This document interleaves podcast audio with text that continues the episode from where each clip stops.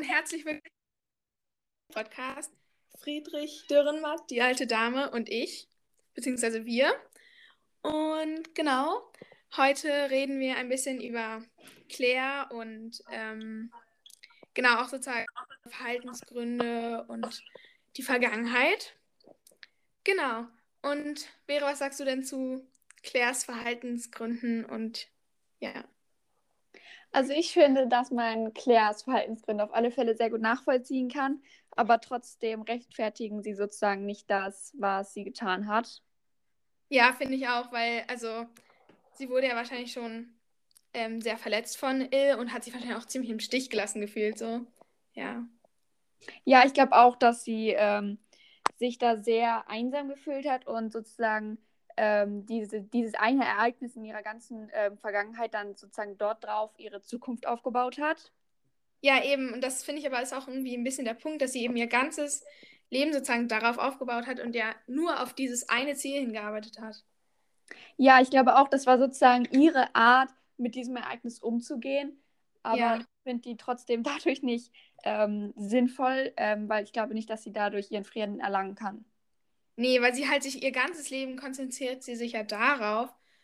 Und ich weiß auch nicht genau, ob ähm, dann nicht vielleicht irgendwie, auch wenn sie sich ihr ganzes Leben lang darauf konzentriert, dann irgendwann mit Il darüber zu reden und dann so damit abzuschließen, aber dann Il umbringen zu lassen, ja, das ist ja auch, das bringt ihr ja auch keine Gerechtigkeit eigentlich. Ja, ich finde auch, dass ähm, deren Beziehung eh nicht auf Gegenseitigkeit beruht hat, also dass sie sich da sehr reingestürzt hat und sehr verliebt war und auch ja. sehr naiv. Ja, auf jeden Fall auch sehr naiv. Ja. Und aber sie ist ja dann auch sehr verletzt da rausgegangen. Und ähm, vielleicht hat sie dann auch sozusagen so viele Männer danach noch geheiratet, weil sie eben so verletzt war und dann eben Bestätigung gesucht hat. Aber sie hat ja auch dann die ganz schnell wieder verlassen. Also hatte sie vielleicht auch, konnte sie nicht immer Vertrauen irgendwie gewinnen, dann durch die äh, Vergangenheit mit Il sozusagen. Ja, ich glaube auch, dass dieses Ereignis sie so geprägt hat, sozusagen, dass sie gar kein Vertrauen mehr zu irgendwem aufgebaut hat, sie gar keine Person mehr an sich reingelassen hat, weil sie so verletzt war und das nicht nochmal erleben wollte. Ja. Wie findest du das, dass sozusagen ähm, Claire versucht hat, dann sozusagen durch Geld dann die Gerechtigkeit sozusagen zu bekommen?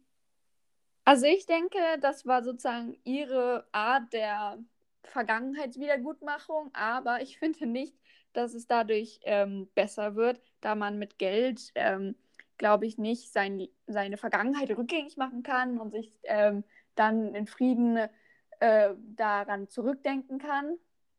Ja, würde ich auch auf jeden Fall sagen. Also vor allem, das ist ja auch, sie spricht dann auch davon, dass sie ähm, dadurch Gerechtigkeit ähm, möchte.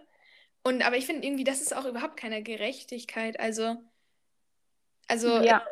ist ja auch nicht so eine Regel, dass wenn man, wenn, also das, was du mir tust, das darf ich ja dann nicht dir tun. So. Also das irgendwie so funktioniert es ja auch nicht. Und ich, es ist eher dann irgendwie so Rache oder so. Aber irgendwie das, vielleicht bringt es ihr Genugtuung, aber ich würde sagen, Gerechtigkeit wird es nicht schaffen.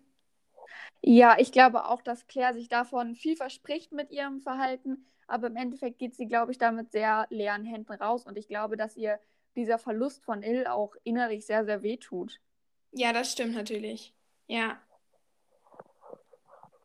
Und ähm, wie denkst du, ähm, also es ist natürlich klar, dass Ill, Ill und ähm, Claire Fehler gemacht haben. Und wie findest du, gehen sie so damit um? Ja, also ich finde zum Beispiel, dass Ill vielleicht dann auch ähm, nachdem er Claire verlassen hat. Also vielleicht wusste er es auch einfach gar nicht so, aber dann ist er vielleicht auch ein bisschen falsch damit umgegangen, weil er sozusagen seinen Fehler ja auch gar nicht eingesehen hat und er hat sich ja dann auch gar nicht mehr irgendwie, ähm, er hat ja auch gar nicht mehr mit Claire dann Kontakt gehalten oder so und dann musste sie sozusagen ganz allein mit dem Kind und so fertig werden und also das ist natürlich auch recht bald gestorben dann, aber genau, also da würde ich sagen, hätten, hätte Il auch anders handeln müssen. Ja, ich finde auch, ähm, dass Claire jetzt im Nachhinein, nach, nachdem sie Il sozusagen umbringen lassen hat, ähm, ich glaube nicht, dass sie sozusagen noch, ein, noch eine Einsicht bekommt, dass ähm, ihr Verhalten nicht, vielleicht nicht ganz korrekt war. Nee, das da stimmt. ich glaube, dass sie ähm, einfach da niemals zurück, also auf dieses Ereignis jetzt mit dem Il umbringen zurückblicken wird und ähm, darüber nachdenken wird, ob das überhaupt richtig war. Nee, das glaube ich auch nicht. Ich glaube, dass sie auch einfach viel zu verrannt und verbissen und ja. denkt, also natürlich denkt sie noch, aber ich glaube, dass sie echt sozusagen gar keinen Blick mehr für irgendwas anderes hat. Und ja, also ich finde auch sozusagen, dass sie die falsche Herangehensweise gewählt hat, weil sie ja sozusagen nicht ihr Glück sozusagen versucht zu finden, sondern sozusagen dadurch, dass sie Il dann eben wehtut oder ja, ihn tötet, dass sie dadurch hofft, dass sie glücklich wird, aber nicht sozusagen sich auf sich fokussiert. Ja, ich glaube auch, dass sie sich eher auf sein Unglück fokussiert ja. als auf ihr Glück. Aber ich denke, dass das wirklich nicht richtig ist und man so äh, nicht leben sollte. Ja, aus rein moralischer Sicht ja auch einfach schon nicht, dass man, also das, aber auch selbst sozusagen, das macht einen ja dann auch nicht glücklicher. Also ja. vielleicht ihr Genugtuung, aber ich glaube auch nicht, dass sie dadurch glücklich wird. Ja, genau, das, also genau das gleiche denke ich auch. Ja, aber es ist ja eigentlich auch dann schon irgendwie ein bisschen trauriges Leben so. Ja, auf alle Fälle. Also ich denke nicht, dass Claire noch irgendwann in ihrer Zukunft glücklich wird, obwohl sie sich, ähm, glaube ich, von diesem Rachefeldzug das genau verspricht. Ja, das stimmt. Ja. Also, wir finden, dass Claire nicht ähm, richtig gehandelt hat oder wir würden anders handeln, weil sie sich auch sozusagen nicht auf sich fokussiert hat und versucht hat, mit der Vergangenheit dann Frieden zu finden und davon wegzukommen, sondern dass sie sich einfach das ganze Leben lang nur darauf fokussiert hat. Und vielleicht hat sie es dadurch sogar noch schlimmer gemacht. Und genau, wie auch schon gesagt, hat sie sich sozusagen auf Ils Unglück statt auf ihr Glück fokussiert.